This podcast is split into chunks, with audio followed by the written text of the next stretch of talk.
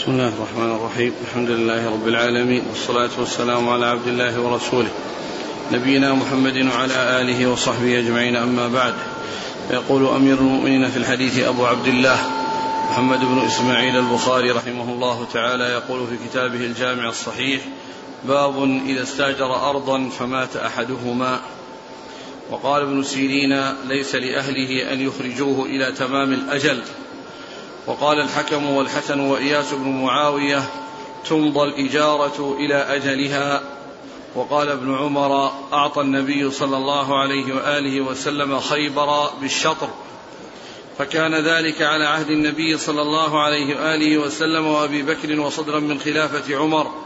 ولم يذكر أن أبا بكر وعمر جددا الإجارة بعدما قبض النبي صلى الله عليه وآله وسلم.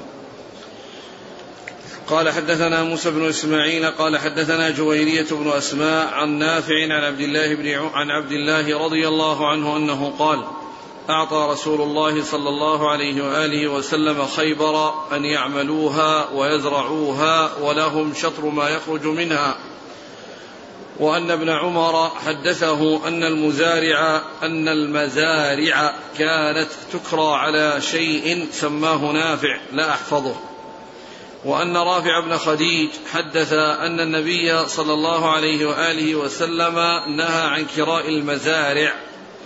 وقال عبيد الله عن نافع عن ابن عمر حتى أجلاهم عمر.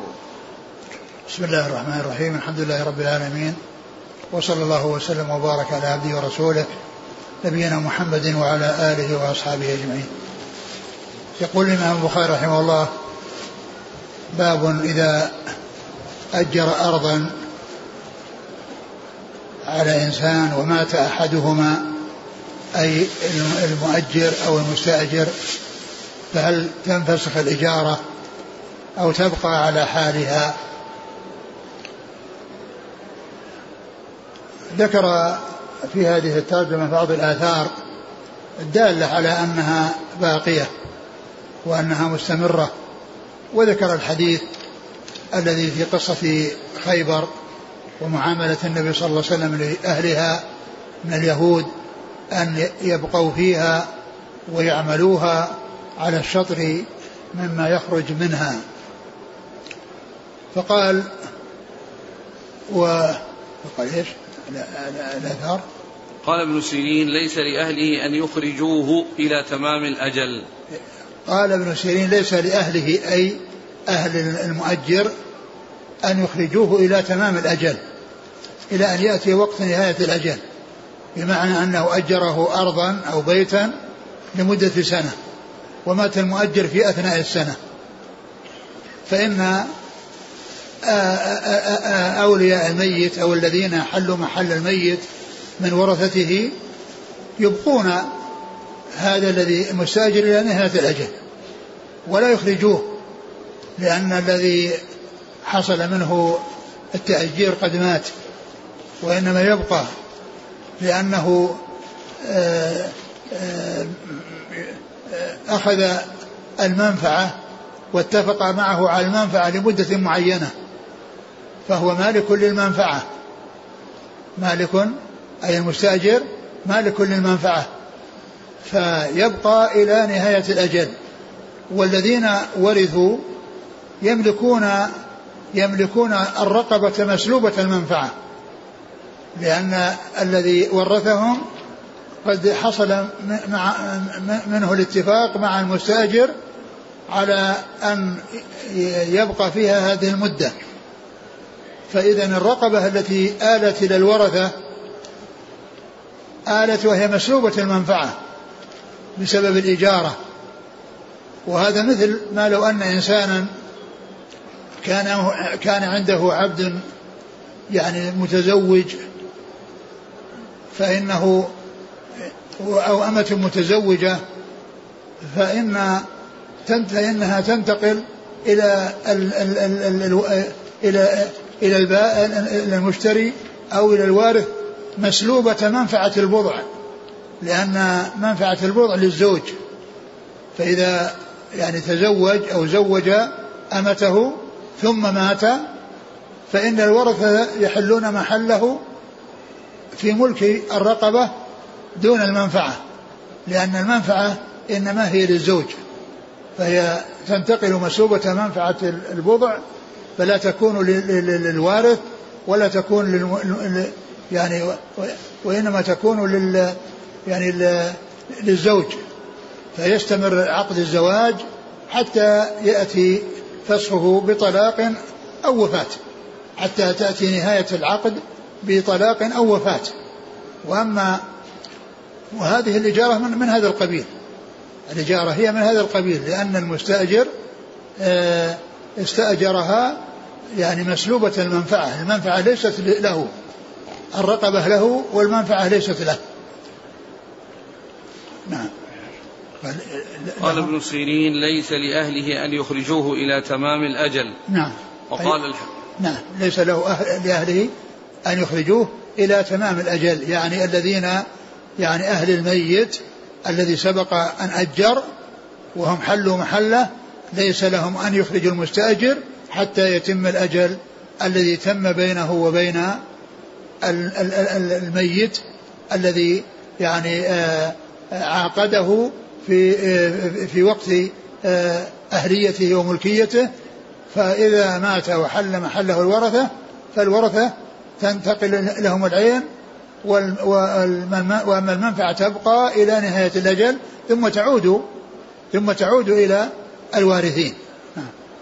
لو حصل عكس حتى لو مات المستأجر فإن أهله ويعني ويعني وال يعني يبقون لأنهم حلوا محله ورثوا المنفعة فإنهم ورثوا المنفعة بدون الرقبة. نعم. وقال الحكم والحسن وإياس بن معاوية تمضى الإجارة إلى أهلها إلى أجلها. وهذا مثل كلام ابن سيرين. قال قال هؤلاء تمضى الإجارة إلى أجلها. يعني تستمر الإجارة إلى الأجل الذي اتفق يعني بين المستأجر وبين المؤجر الذي قد مات. يستمرون فإذا القول القول القولان معناهما واحد. الذي جاء عن ابن سيرين والذي جاء عن هؤلاء الثلاثة هو مؤداه واحد وهو أن أن أن أن أن, أن, أن المستأجر آه، يعني يبقى على استئجاره إلى نهاية المدة التي آه، اتفق مع المؤجر الذي قد مات عليها. وقال ابن عمر أعطى النبي صلى الله عليه وسلم خيبر بالشطر فكان ذلك على عهد النبي صلى الله عليه وسلم وأبي بكر وصدرا من خلافة عمر.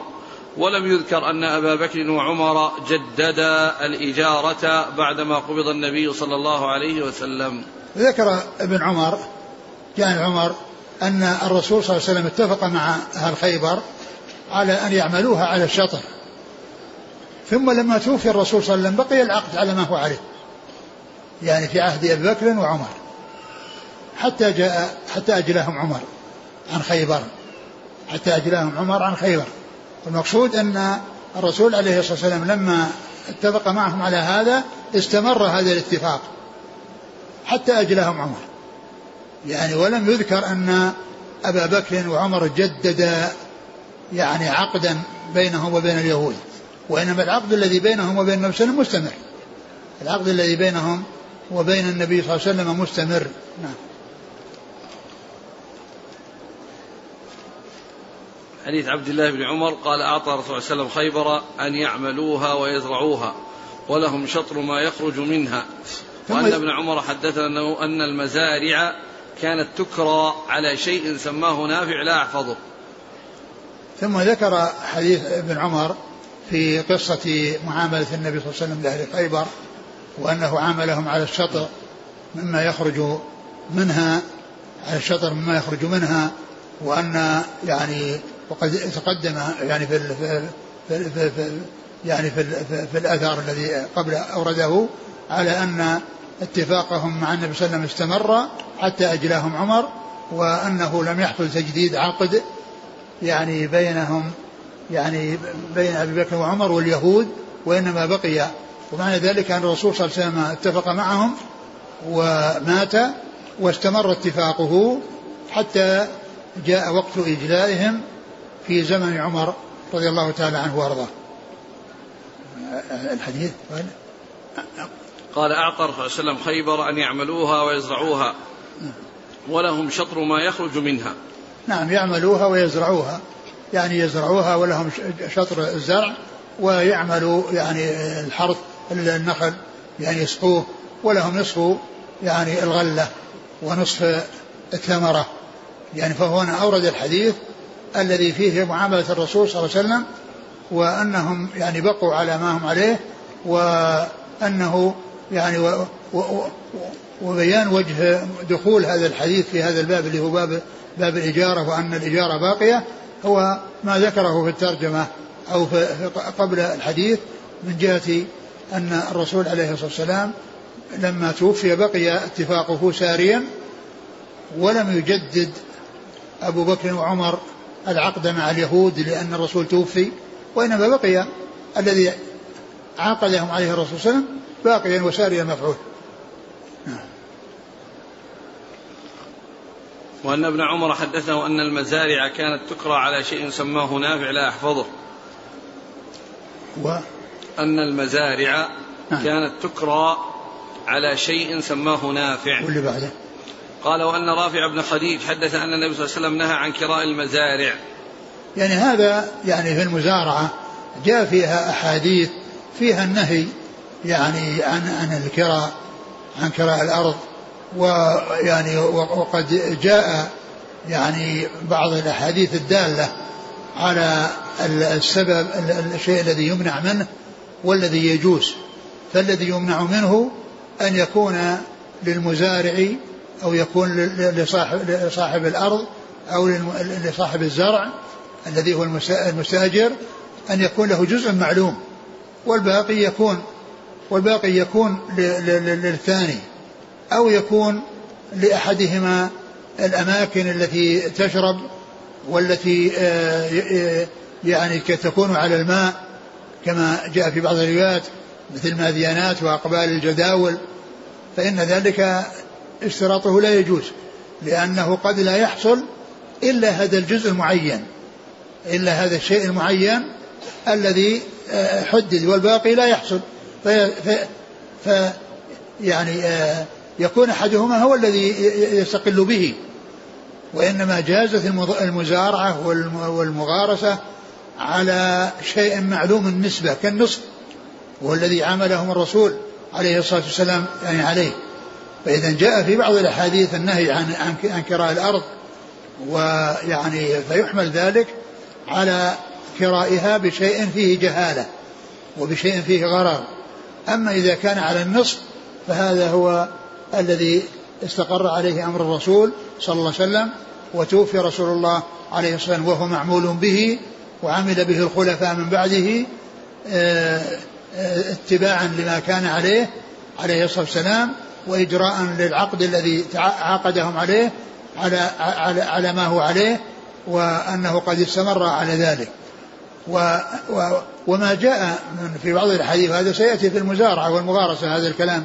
الذي علقه هنا والذي أشار إليه ابن عمر رضي الله تعالى عنه جاء يعني في, في سيأتي فيما هناك ولكن أنه فيه التفصيل الذي أشرت إليه إذا كان آه، اشترط لنفسه جهة معلومة أو اشترط لنفسه يعني مقدارا معلوما فإن هذا غير جائز. وأما إذا كان على النصف أو الربع أو الثمن أو ما إلى ذلك فإن هذا سائر لأن كل سيشترك إن حصل فائدة فهم سيشتركون فيها على النسبة. وإن لم يحصل فائدة فهذا يعني ضاع عليه عمله وهذا ضاع عليه نخله فلم يحصل له منه ثمرة. نعم. قال حدثنا موسى بن إسماعيل تبوذكي عن جويرية بن أسماء جويرية؟ ابن نعم. نعم ابن أسماء. الضبعي نعم. عن نافع عن عبد الله. نعم ابن عمر. قال وقال عبيد الله عن نافع عن ابن عمر حتى أجلاهم عمر. وقال عبيد الله وقال عبيد الله ابن عمر العمري عن عن نافع يعني أنه روى الحديث روي الحديث من هذا الطريق مثل الذي قبله وفيه زيادة حتى أجلهم عمر. وفيه زيادة حتى أجلهم عمر يعني أن الحكم استمر إلى أن أجلاهم عمر رضي الله تعالى عنه. وعند ذلك انتهى العقد للإجلاء. وأما ما داموا باقين ومدة بقائهم فإن اتفاق الرسول عليه الصلاة والسلام معهم مستمر وغير منته بوفاته صلى الله عليه وسلم. وهذا هو الوجه الذي أورده في هذا الباب من أجله.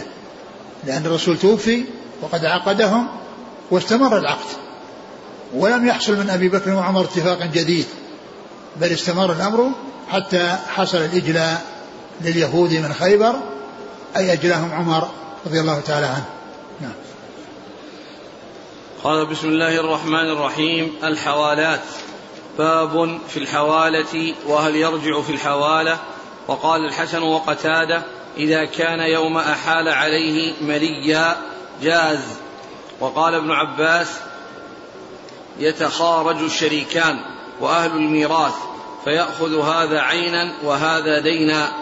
فإن توي فإن توي لأحدهما لم يرجع على صاحبه. قال حدثنا عبد الله بن يوسف قال أخبرنا مالك عن أبي الزناد عن الأعرج عن أبي هريرة رضي الله عنه أن رسول الله صلى الله عليه وسلم قال مطل الغني ظلم فإذا أتبع أحدكم على مليء فليتبع. ثم قال كتاب الحوالة. الحوالة هي نقل دين من ذمة إلى ذمة. نقل دين من ذمة إلى ذمة. بأن يكون يعني لأحد دين على شخص ثم يحيله إلى شخص آخر فتنتقل الدين من ذمة المحيل إلى ذمة المحال عليه. إلى ذمة المحال عليه. فهذه هي الحوالة. نقل, نقل دين من ذمة إلى ذمة.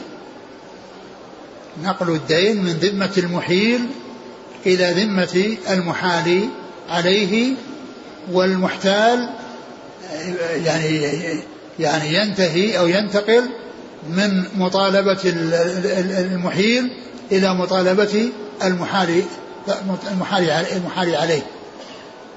قال باب باب. الحوالات. باب في الحوالة وهل يرجع في الحوالة؟ باب في الحوالة. باب في الحوالة يعني التي هي انتقال الدين من ذمة إلى ذمة. وهل يرجع يعني في الحوالة؟ يعني هل يرجع يعني في الحوالة؟ بمعنى أنه يرجع إلى يعني المحيل يعني يعني بدل المحال المحال عليه. و ومعلوم أن أن أن أن أنه إذا إذا حصلت الحوالة وقبلها المحيل المحال المحال فإنه تنتقل المطالبة من المحيل الذي هو صاحب الذي عليه الدين في الأول إلى الذي أحال الذي أحال عليه. و يعني ف هذه هذه هي الحوالة وهي انتقال دين من ذمة إلى ذمة. قال باب باب في الحوالة. أيوة. وهل يرجع في الحوالة؟ وهل؟ يرجع في نعم. الحوالة. وهل يرجع في الحوالة؟ يعني يرجع يعني بمعنى أن أن هذا الدائن المحتال يرجع إلى المحيل أو أنه انتقل الدين من ذمة إلى ذمة فتكون يعني ذاك انتهى ولا علاقة له به إلا الأول ويكون المطالبة والمتابعة إنما هو إنما هو للثاني.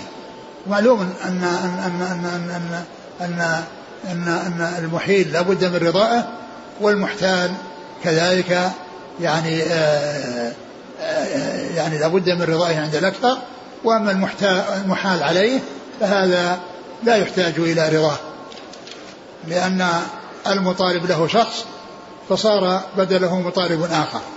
نعم. وقال الحسن وقتاده إذا كان يوم أحال عليه مريا جاز. إذا كان يوم أحال عليه مليا إذا كان يوم أحال عليه مليا أي الوقت الذي أحال عليه أنه كان مليا يعني آه، آه، فذلك فذلك يجوز. وأما إذا كان يعني مفلسا أو كان ليس يعني لا يعرف أن عنده شيء فإن المحتال يعني لا يصير إلى ذلك المفلس أو ذلك الذي ليس عنده شيء وإنما يصير إلى المحيل الذي هو المدين له الذي هو المدين له. نعم.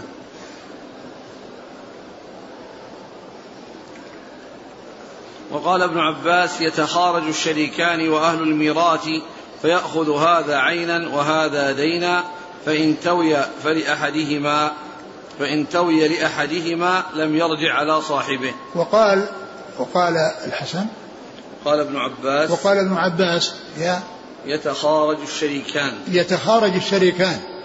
يعني الشريكان عندما يريدان القسمة فيتخارجان بمعنى أن أحدهم يكون له يعني آه، آه، السلعة أو هذا يعني له الدين الذي عند فلان يتخارجان.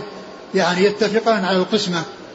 ليس بلازم أن القسمة تكون في كل شيء وإنما يجوز أن يكون أحدهم يكون له شيء معين وهذا له شيء معين. هذا له عين معينة موجودة وهذا له دين عند فلان. فإذا اتفق على هذا وتخارج على هذا فإن كل واحد يصير له الشيء الذي حصل التخارج عليه. وإذا هلك يعني هلك من ضمانه. من ضمان الذي آه، صار له بهذا التخارج. يعني لو لو هلك أو تلف يعني يكون من من ضمانه. لا يرجع إلى إلى الثاني الذي أخذ السلعة أو إلى السلعة التي ضاعت ويرجع إلى إلى الذي أخذ الدين. وإنما يعني آه، آه، كل واحد منهما يستقل بالشيء الذي اتفق على قسمته. هذا أخذ السلعة المعينة وهذا أخذ الدين يعني نصيبه الدين الذي عند فلان. يتخارج الشريكان. فيكون هذا له عين وهذا له دين وكل واحد منهم يستقل عن الآخر بهذه القسمة. ومثل ذلك الميراث الورثة. إذا ورثوا شيئا فلهم يقسموه على هذه الطريقة التي يتخارج بعضهم يكون له يعني شيء وبعضهم يكون له شيء. يعني ليس بلازم أن كل شيء يقسم وإنما يمكن أن تكون القسمة بالتخارج بأن يكون هذا له عمارة وهذا له مزرعة وهذا له الدين الذي عند فلان وهكذا على حسب ما يتفقان عليه. فإذا حصل التخارج ثم هلك يعني ما بيد أحدهما فإنه يهلك من ضمانه من ضمان من هو بيده. لأنه ضاع في ملكه. ولا يرجع هذا الذي هلك نصيبه إلى شركائه أو إلى الورثة الذين أخذوا يعني أشياء يعني معينة. فإن إذا حصلت القسمة واستقل كل واحد بشيء إذا هلك نصيب واحد منهم هلك هلك على حسابه. قال والورثة؟ يتخارج الشريكان وأهل الميراث. الشريكان هذا نوع لأن فيه شركاء يعني في الشركة وشركاء في الميراث. لأن الميراث حصل الشراكة حصلت في الميراث. لأنه صار الملك انتقل إلى الورثة فصاروا شركاء بهذا الميراث. وأما المسألة الأولى فهم شركاء فيما بينهم. كانوا شركاء متشاركين وتفاصلوا. وأنا وأرادوا إنهاء الشركة. فعند إنهائها يأخذ هذا شيئا وهذا يأخذ شيئا.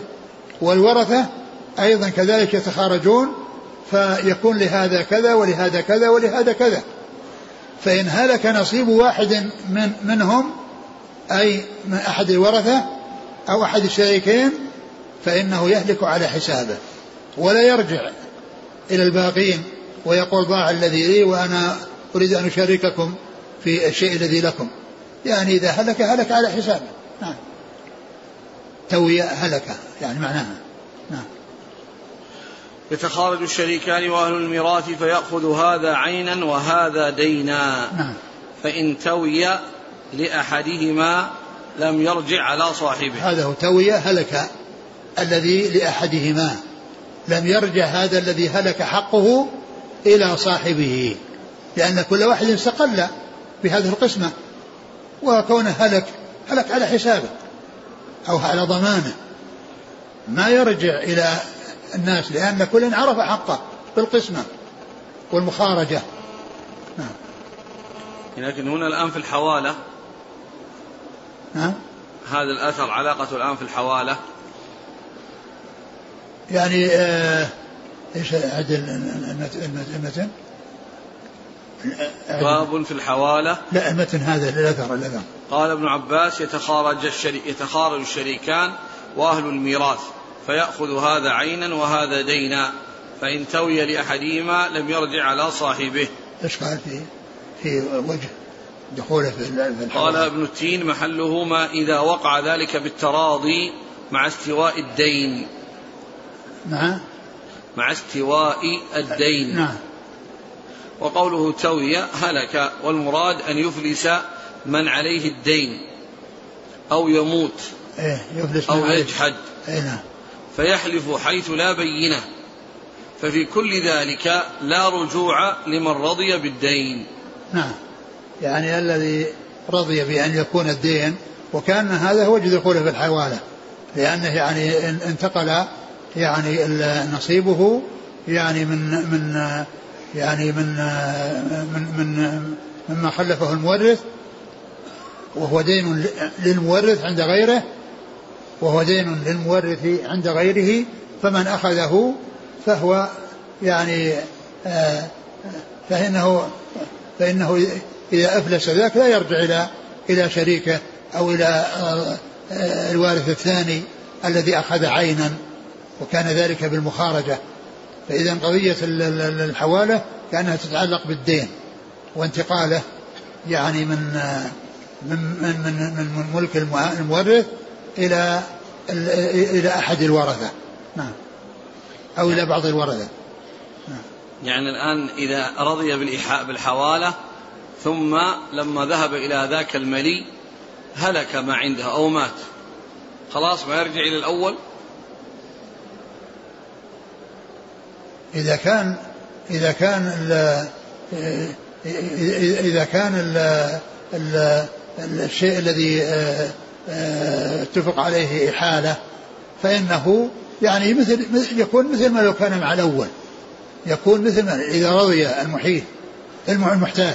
أما إذا لم يرضى فالحوالة ما هي موجودة. إذا لم يرضى فالحوالة ليست موجودة. لكنه إذا انتقل إلى ذاك صار ذاك هو المدين وسلم هذا من الدين. فلا يرجع فلا يرجع لا يرجع إلى الأول. وإنما يكون نظرة إلى ميسرة مثل ما كان مع الأول. مثل ما كان مع الأول نظرة إلى ميسرة. الأول يعني عند المطالبة بحقه نظرة إلى ميسرة وهذا الذي احتال أو انتقل الدين إليه يكون الأمر فيه نظرة إلى ميسرة. عجل كلام المنير أولى. قال ابن المنير ووجهه أن من رضي بذلك فهلك فهو في ضمانه كما لو اشترى عينا فتلفت في يده نعم. وألحق البخاري الحوالة بذلك. نعم. يعني هلك الآن المحال عليه. يعني هلك المحال عليه أو هلك المال الذي نعم هلك المحال عليه نعم لأن المال يعني يهلك وذاك يبقى الدين في ذمته. ويكون نظيره إلى ميسرة فالمسألة الآن رجعت كلها إلى الرضا. ما دام رضيت بالإحالة إذا خلاص. نعم. تحمل ما يعقبها. نعم نعم. حديث أبي هريرة قال صلى الله عليه وسلم مطل الغني ظلم. فإذا أتبع أحدكم على ملي فليتبع. قال عليه السلام مطل الغني ظلم. الإنسان المدين وهو غني ولا يوفي حق أو الدين الذي في ذمته لغيره مع أنه واجد وغني ظلم. لأن الواجب عليه ما دام عنده المال أن يسدد.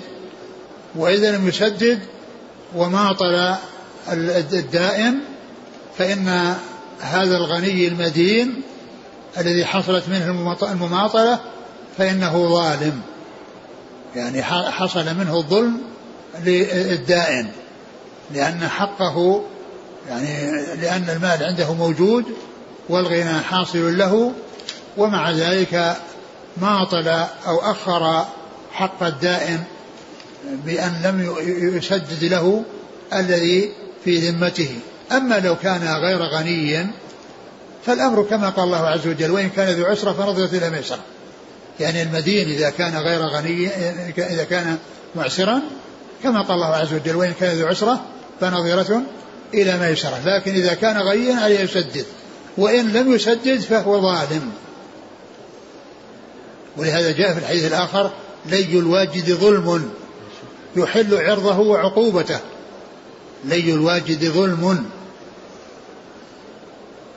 يعني ليه الذي هو مماطلته يحل عرضه بأن يتكلم فيه يقول يعني حبس عني حقي يعني يتكلم فيه. هذا المقصود بالعرض يحل عرضه أن يتكلم فيه. ويحل عقوبته بأنه يعني يحبس أو يؤدب أو يلزم بأن يدفع الحق لأنه قادر لأنه قادر على السداد. لي الواجب ظلم يحل عرضه وعقوبته. عرضه بأن يتكلم فيه ويذمه وعقوبته بأن يعني يؤدب وأن يسجن أو يعني يؤخذ منه يعني أو يلزم بالدفع؟ نعم. مطل الغني ظلم. يعني هذا يعني يتعلق بالمطالبة بالحق وأن من طالب ثم أتى بمسألة ثانية وهي الحوالة قال وإذا أحيل أحدكم على مليء فليتبع. يعني إذا أحيل أحدكم على مليء يعني أن, أن, أن, أن, أن الذي عليه الدين أحال إلى شخص آخر وذلك الشخص الآخر مليء وكان يعني مليء فإنه يتبع ويعني ولكن هذا ليس بلازم ليس بواجب. بعض العلماء قال بالوجوب وجمهور العلماء على أنه ليس الوجوب الأمر في قوله فليتبع فإذا أراد أن يبقى مع هذا المماطل يعني فله أن يبقى. نعم. قال حدثنا عبد الله بن يوسف عبد الله بن يوسف التنيسي. عن مالك نعم. عن أبي الزناد وهو عبد الله بن ذكوان. عن الأعرج عبد الرحمن بن هرمز. عن أبي هريرة. نعم. قال رحمه الله تعالى باب إذا أحال على ملي فليس له رد. قال حدثنا محمد بن يوسف قال حدثنا سفيان عن ابن ذكوان. عن الأعرج عن أبي هريرة رضي الله عنه عن النبي صلى الله عليه وسلم قال مطل الغني ظلم ومن أتبع على ملي فليتبع. ثم ذكر هذه الترجمة باب. إذا أحال على ملي فليس له رد. إذا إذا أحيل على ملي فليس له رد. يعني معناه إذا إذا قبل ورضي بهذا الشخص الملي الذي أحيل إليه فليس عليه ليس له رد. بمعنى أنه يعني يترك ويرجع إلى المحيل وإنما يعني يحل المحال إليه محل محل المحيل. فليس له رد. وبعدين؟ أتى بالحديث نفسه. نعم. نعم.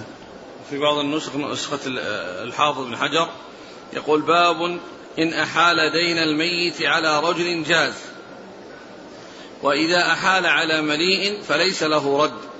كذا ثبت عند أبي ذر. يعني بعض النسخ أنه جعل ترجمتين وفي بعضها التفصيل. هذا بترجمة وهذا وهذا بترجمة. نعم. ثم أيضا الحوالة يعني هي داخلة في في الباب الذي قبل هذا. داخلة في في الباب الذي قبله. حوالة يعني الحافظ حجر ابن حجر الذي عنده الأبواب. أبواب الحوالة داخلة في, في, في الإجارة. نعم. نعم. إذا باب إذا أحال على ملي فليس له رد. لكن الباب الأول عند ابن حجر وشو قوله. باب في الحوالة. أيوة باب في الحوالة. يعني أن الحوالة كأنها من أبواب الإجارة. نعم. نعم. هذا الباب الأخير معناه. يعني هذا أنه ليس له رد. يعني إذا إذا قبل الإحالة على يعني المحال إليه فليس له أن يرجع يعني في ذلك. وكذلك أيضا ال ال ال المحيل يعني إذا أحال وانتهى وأداء المحيل محال الإذهاب ليس له أن يرجع ويقول أنه أبطلها.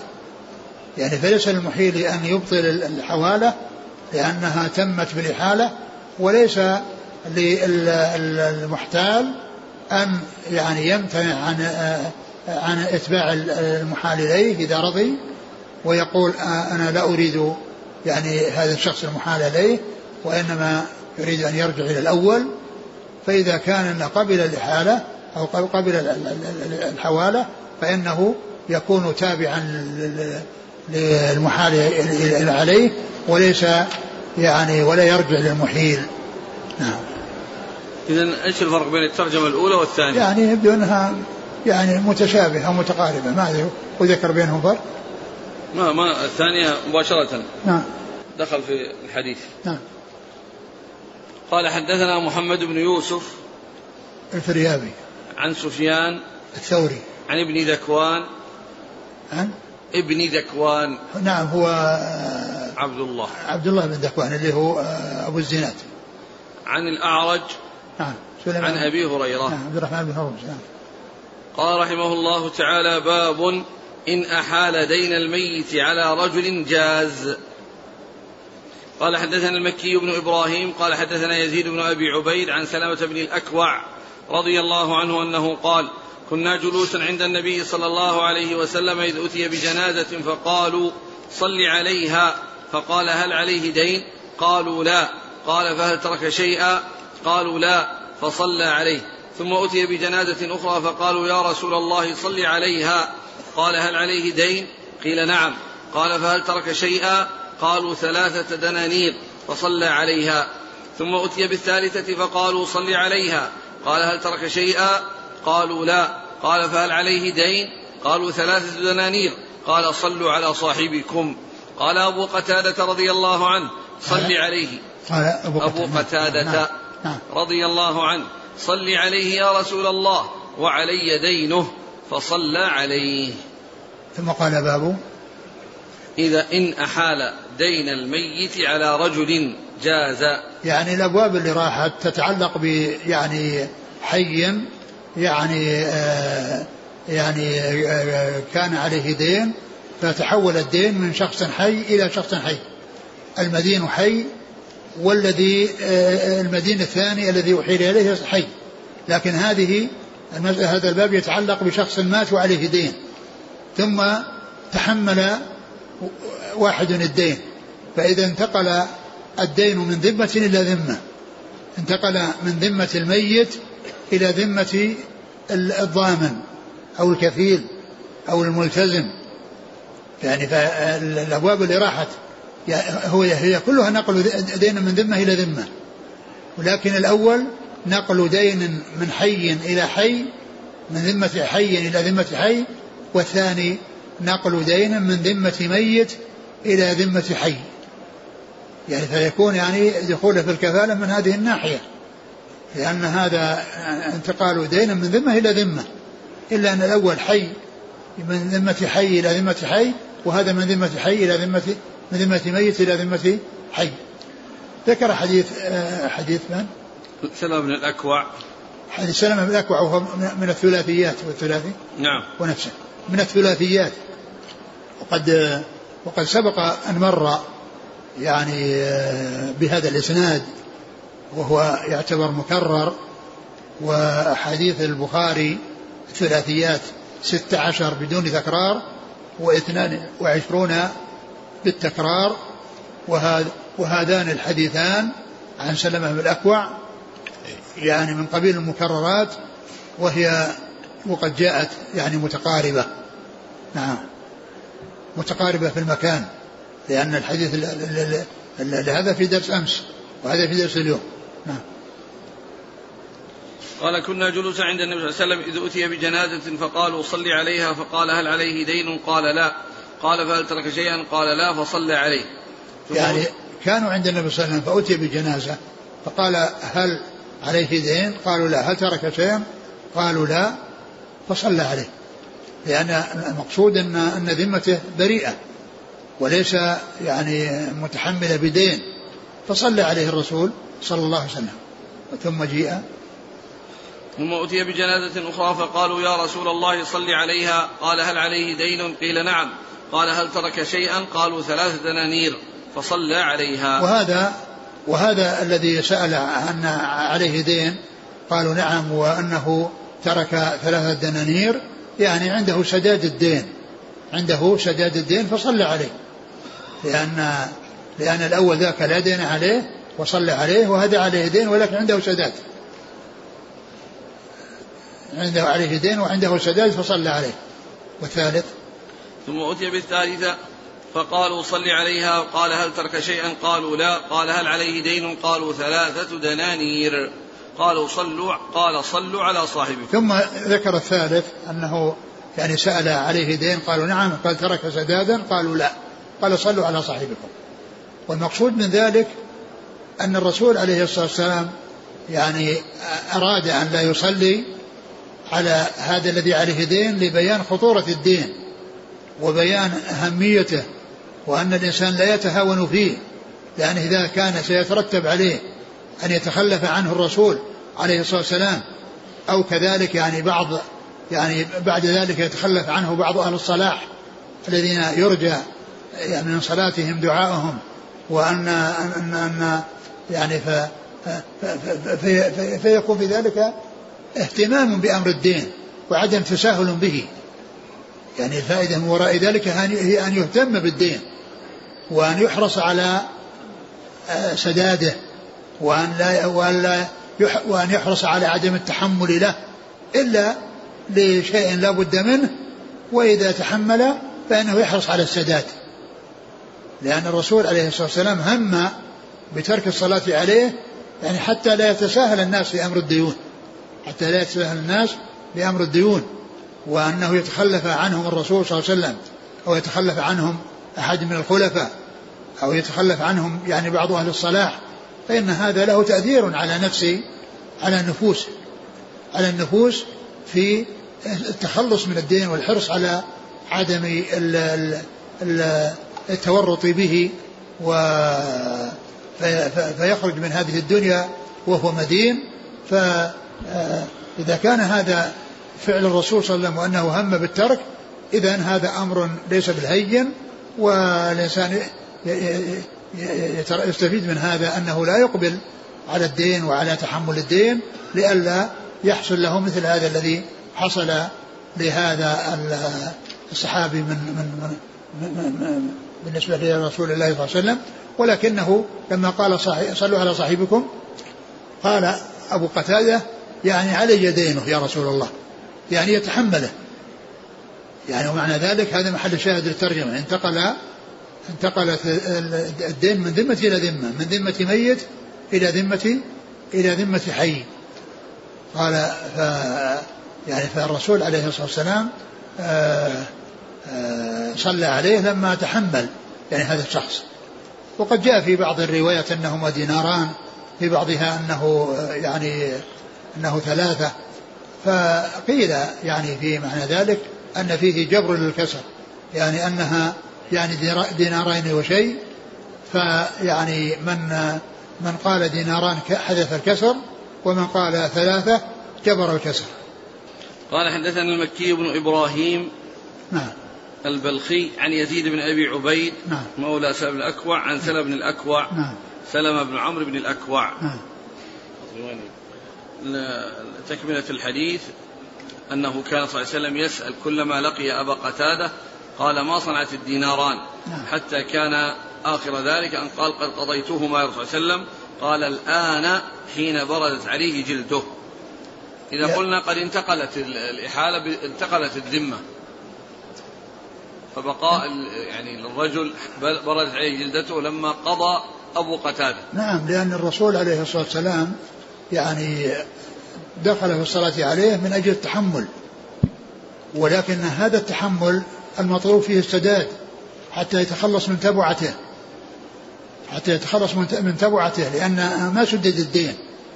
إذا لم إذا لم إذا لم يسدد الضامن يعني معناه كأنه ما كأنه ما ما تحمل.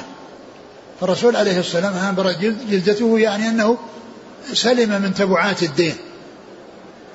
وسلم من يعني آآ آآ أن يكون لغيره حق عليه لأن لأنه قد أدى هذا الذي ضمن الذي تحمله.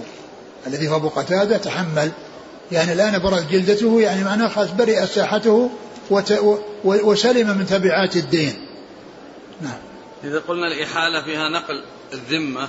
من ذمة إلى ذمة نعم. إذا انتقلت إلى ذمة أبي قتادة. إذا الميت خلاص ما عليه شيء.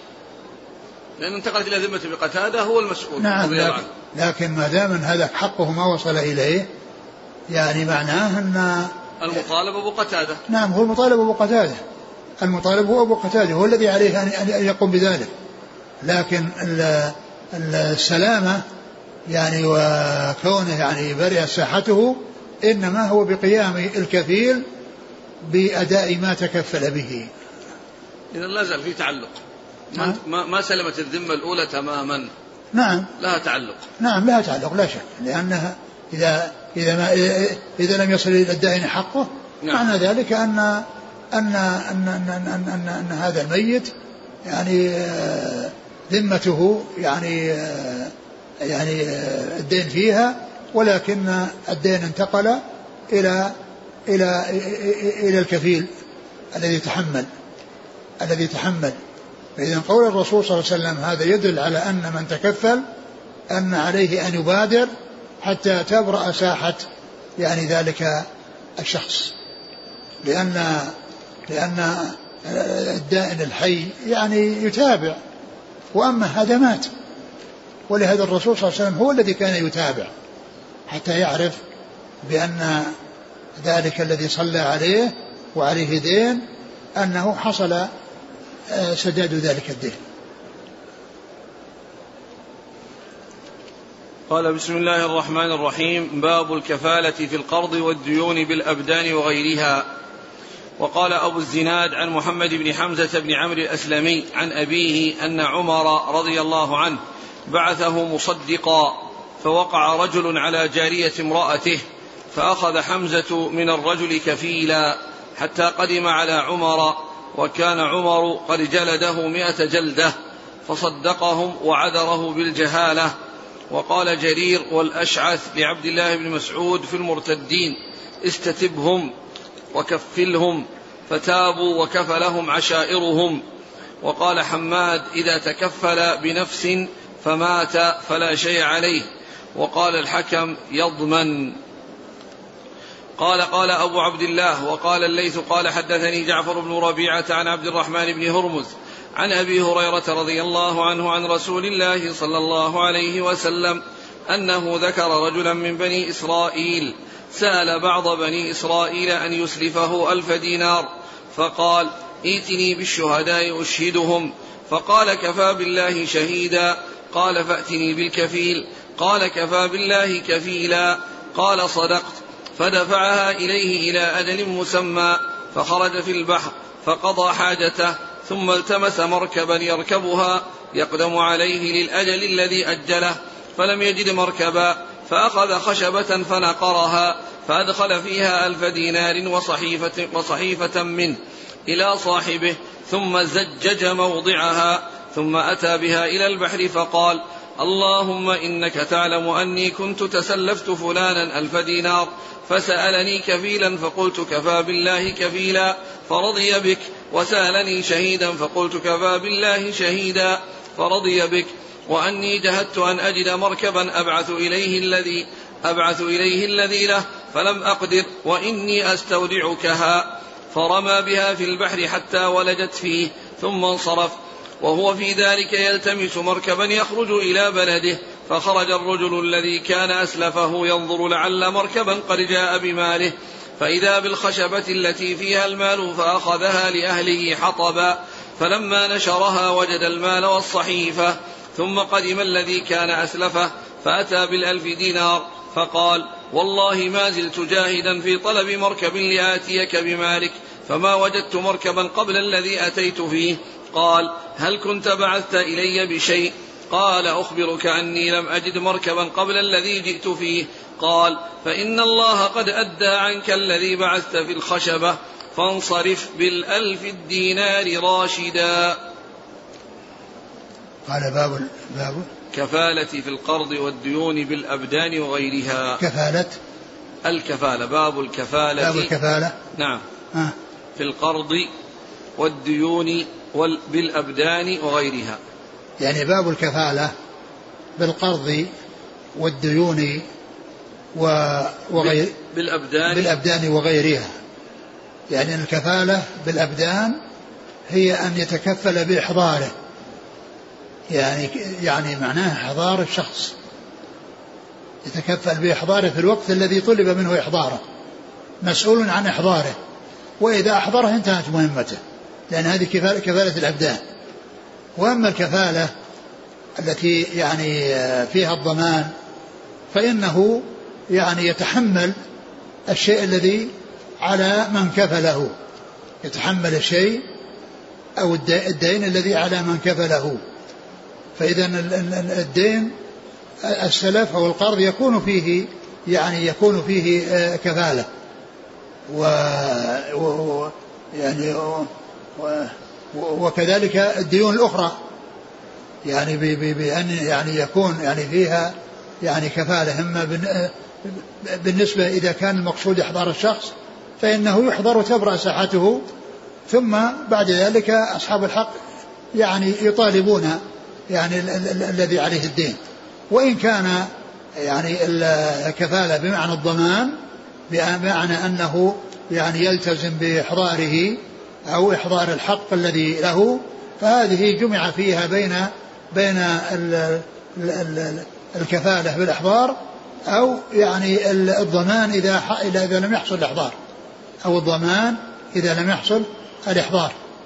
هذا باب الكفالة في القرض والديون. يعني معنى هذا أن القرض يعني يكون فيه آه، كفالة والديون الأخرى أيضا يكون فيها كفالة و والكفالة إما كفالة أبدان فيحضر الشخص بعينه وتنتهي مسؤوليته أو أنه يضمن الشيء الذي عليه أو أنه يضمن الشيء الذي عليه.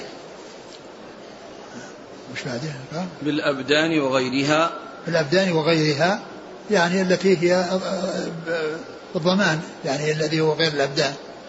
يعني يحضر لها الدمان الأبدان يحضرها في في كفالة الأبدان والضمان في آه، يعني في آه، التزام الحق الذي على من كفله بحيث يؤدي عنه. كفيل غارم. نعم. كفيل غارم. نعم. وقال أبو الزناد عن محمد بن حمزة بن عمرو الأسلمي عن أبيه أن عمر رضي الله عنه بعثه مصدقا فوقع رجل على جارية امرأته فأخذ حمزة من الرجل كفيلا حتى قدم على عمر وكان عمر قد جلده مئة جلدة فصدقهم وعذره بالجهالة. ثم قال و؟ وقال أبو الزناد نعم. عن محمد بن حمزة بن عمرو الأسلمي عن أبيه أن عمر أبو حمزة. محمد بن محمد بن حمزة حمز. بن عمرو. نعم. يعني محمد يروي عن عن أبيه وأبوه صحابي وهو الذي يعني آه، آه، آه، قال إيش؟ عن أبيه أن عمر نعم. بعثه مصدقا فوقع. يعني على الصدقة. بعثه مصدقا يعني عامل على الصدقة. يعني يجبى الصدقات من أهلها من أصحاب الإبل والغنم والبقر يعني يأخذ الزكاة من أهل هذا هو العامل على الصدقة. فكان رجل وقع على جارية امرأته. وقع رجل على جارية امرأته. يعني هي ليست جاريته ليس ملك يمين. وطئ يعني جارية ليست ملكا له وإنما هي ملك لغيره. إيش؟ فأخذ فأخذ يعني كفيل يعني حمزة بن عمرو يعني إلى أن يحضر ذلك الشخص إلى عمر. أن يحضر ذلك الشخص الذي يعني حصل منه يعني هذا المنكر وهو كونه وقع على جارية امرأته فإنها ليست فإن الإنسان لا يحل له إلا ما كان زوجة أو ملك يمين له. ليس ملك يمين لغيره. ليس ملك يمين لغيره. فإذا أخذ كفيل على أنه يحضر إلى عمر في إلى عمر رضي الله عنه. نعم. فأخذ حمزة من الرجل كفيلا حتى قدم على عمر وكان عمر قد يعني الرجل هذا الذي حصل منه الوقاع أو مواقعة آه، جارية جارية زوجته. أخذ كفيل على أنه يعني يلتزم بأن هذا الرجل الذي هو الذي حصل منه الخطأ والوطء لمن لا تحل له أن يذهب إلى عمر. نعم يذهب إلى عمر فيأخذ كفيل بأن بأنه يلتزم بأنه يصل إلى عمر. نعم. قال وكان عمر قد جلده مئة جلدة فصدقهم وعذره بالجهالة. يعني يعني إنه ما رجمه لأنه آه، محصن ولأنه صاحب زوجة فعذره يعني فلم يجلده. فلم يرجمه وإنما جلده. يعني فقيل إن هذا الجلد أنه تعزير وقيل إنه الحد الذي هو يعني حد البكر. نعم. وقيل إنه تعزير. نعم. وقال جرير والأشعث عبد الله بن مسعود في المرتدين. ذكر الحافظ يعني آه، هذه القصة المختصرة. يعني ذكر تفصيلها. عند بعض أهل العلم. أخرجه الطحاوي من طريق عبد الرحمن بن أبي الزناد قال حدثني أبي قال حدثني محمد بن حمزة ابن عمرو الاسلمي عن أبيه أن عمر بن الخطاب بعثه للصدقة فإذا رجل يقول لامرأة صدقي مال مولاك وإذا المرأة تقول بل أنت صدق مال مال ابنك فسأل حمزة عن أمرهما فأخبر أن ذلك الرجل زوج تلك المرأة أن أن ذلك الرجل زوج تلك المرأة وأنه وقع على جارية لها فولدت ولدا فاعتقته امرأته.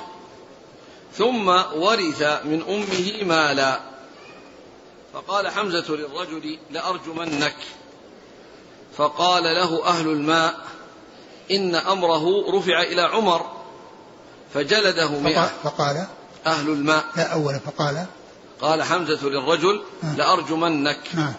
فقال له أهل الماء إن أمره رفع إلى عمر فجلده مئة ولم ير عليه رجما. قال فأخذ حمزة بالرجل كفيلا. حتى قدم على عمر فسأله فصدقهم عمر بذلك مع قولهم. وإنما درأ عمر عنه الرجم لأنه عذره بالجهالة. عذره بالجهالة يعني بالنسبة لكون هذا له يعني صلة يعني بزوجته يعني لأن هذا العبد لها وليس له فيعني ف يعني فعذره لأنه يعني بالجهالة وليس مثل الأمور الواضحة التي يعني ليس فيها خفاء فإن هذه فيها خفاء ولهذا عذره وجلده ولم يرجمه. نعم. والمقصود من ذلك الكفالة هذه اللي ذكرها أنه أخذ كفيلا على أنه يصل إلى عمر. نعم. وهذه كفالة أبدان. نعم. وقال جرير والأشعث لعبد الله بن مسعود في المرتدين استتبهم وكفلهم. فتابوا وكفلهم عشائرهم. وهذا يعني محل الشاهد أن أن أن أن أن أن, أن عشائر عشائرهم هم الذين كفلوهم. يعني ف فقال قال جرير والأشعث جرير بن عبد الله البجلي والأشعث ابن قيس الكندي. قيس الكندي نعم. يعني مسعود في المرتدين استتبهم وكفلهم فتابوا وكفلهم عشائرهم. شوف المكان الذي يعني آه، وصل فيه. يقول هذا أيضا مختصر من قصة أخرجها البيهقي بطولها من طريق أبي إسحاق عن حارثة بن مضرب قال صليت الغداة مع عبد الله بن مسعود فلما سلم قام رجل فأخبره أنه انتهى إلى مسجد بني حنيفة فسمع مؤذن مؤذن عبد الله بن النواحة يشهد أن مسيلمة رسول الله فقال عبد الله علي بابن النواحة وأصحابه فجيء بهم فأمر قرضة بن كعب فضرب عنق ابن النواحة ثم استشار الناس في أولئك النفر فأشار عليه عدي بن حاتم بقتلهم فقام جرير والأشعث فقال بل استتبهم وكفلهم عشائرهم فتابوا وكفلهم عشائرهم. وروى ابن أبي شيبة من طريق قيس بن أبي حازم أن عدة المذكورين كانوا مئة وسبعين رجلا. قال ابن المنير أخذ البخاري الكفالة بالأبدان في الديون من الكفالة بالأبدان في الحدود بطريق الأولى والكفالة بالنفس. قال بها الجمهور ولم يختلف من قال بها أن والكفالة بالنفس؟ نعم والكفالة بالنفس. بطريق الأولى. يعني يكون الكفالة بالبدن يعني. أي. نعم. والكفالة بالنفس قال بها الجمهور ولم يختلف من قال بها أن المكفول بحد أو قصاص إذا غاب أو مات ألا حد على الكفيل. بخلاف الدين والفرق بينهما أن الكفيل إذا أدى المال وجب له على صاحبه المال مثله. لأن الكفيل إذا أدى فإنه يطالب المكفول الذي كفله بخلاف ذاك يعني هذا حد يعني ما يكون إلا على من حصلت منه الجناية لا تنتقل إلى إلى شخص آخر نعم وقال حماد إذا تكفل بنفس فمات فلا شيء عليه. نعم. وقال الحكم يضمن. قال حماد بن أبي سليمان إذا تكفل بنفس فمات يعني ذلك المكفول لا شيء عليه لأنه تكفل بإحضاره وقد مات. ما في سبيل إلى إحضاره وقد مات. يعني هو يعني التزم بإحضاره في حياته وأما إذا مات وخلاص انتهى. لا يستطيع لا يستطيع ذلك. نعم. وقال؟ وقال حماد إذا تكفل بنفس فمات فلا شيء عليه. نعم. وقال الحكم يضمن. اختلفوا. وقال الحكم الحكم يضمن لكن في الشرح يعني شيء تفيد أن القصة كأنها متحده يعني اقرا الكلام. يقول قال حماد بن سليمان إذا تكفل بنفس فمات فلا شيء عليه. وقال الحكم يضمن. وصله الأثرم من طريق شعبة عن حماد والحكم. وبذلك قال الجمهور. يعني وصله يعني معناه أن المسألة واحدة. نعم عن حماد يعني والحكم. وكأن معناها لا يضمن. كأنها لا يضمن. لأن ما دام أن يعني هذا القول قول الحكم يعني مثل القول ذاك وأن يعني الجمهور قالوا بهذا يعني معناه أن يعني أن مؤداهما واحد. وأما قول يضمن هما متناقضان. يعني ليس قولا واحدا إلا إذا كان أنه لا يضمن. قال يعني وقال وقال قال حماد بن سليمان إذا تكفل بنفس فمات فلا شيء عليه. أيوة. وقال الحكم يضمن. أه. وصله الأثرم من طريق الشعبة عن حماد والحكم. نعم. وبذلك قال الجمهور هذا يعني معناه أنه كان كانوا متفقان. وأن الجمهور على أنه لا لا ضمان على الكفيل الذي قد مات. لأن المكفول الذي قد مات يعني لا يستطيع إحضاره فليس عليه ضمان. فإذا الكلام كان مؤداهما واحد. يعني لما قال قال قال الجمهور إيش بعده؟ لكن اللي بعدها الآن دخل موضوع ثاني. وعلي بن القاسم صاحب مالك يفصل بين الدين الحال والمؤجل. نعم. فيغرم في الحال ويفصل في المؤجل بين ما إذا كان لو قدم لأدركه أم لا. وش علاقة ذا بقضية كفالة النفس؟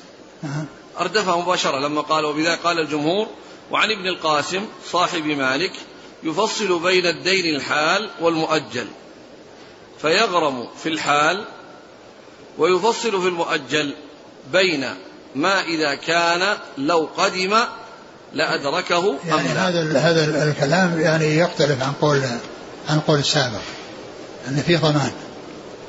أقول فيه ضمان ليست مجرد كفالة. مش بعده بعد ذلك أتى بالحديث أبي هريرة في الرجل من بني إسرائيل. طويل؟ نعم. نعم. والله تعالى أعلم وصلى الله وسلم وبارك على عبده ورسوله نبينا محمد وعلى آله وأصحابه أجمعين. ونتوقف عن التدريس إلى يوم السبت. جزاكم الله خيرا وبارك الله فيكم ألهمكم الله الصواب وفقكم للحق شفاكم الله وعافاكم ونفعنا الله ما سمعنا وغفر الله لنا ولكم وللمسلمين أجمعين.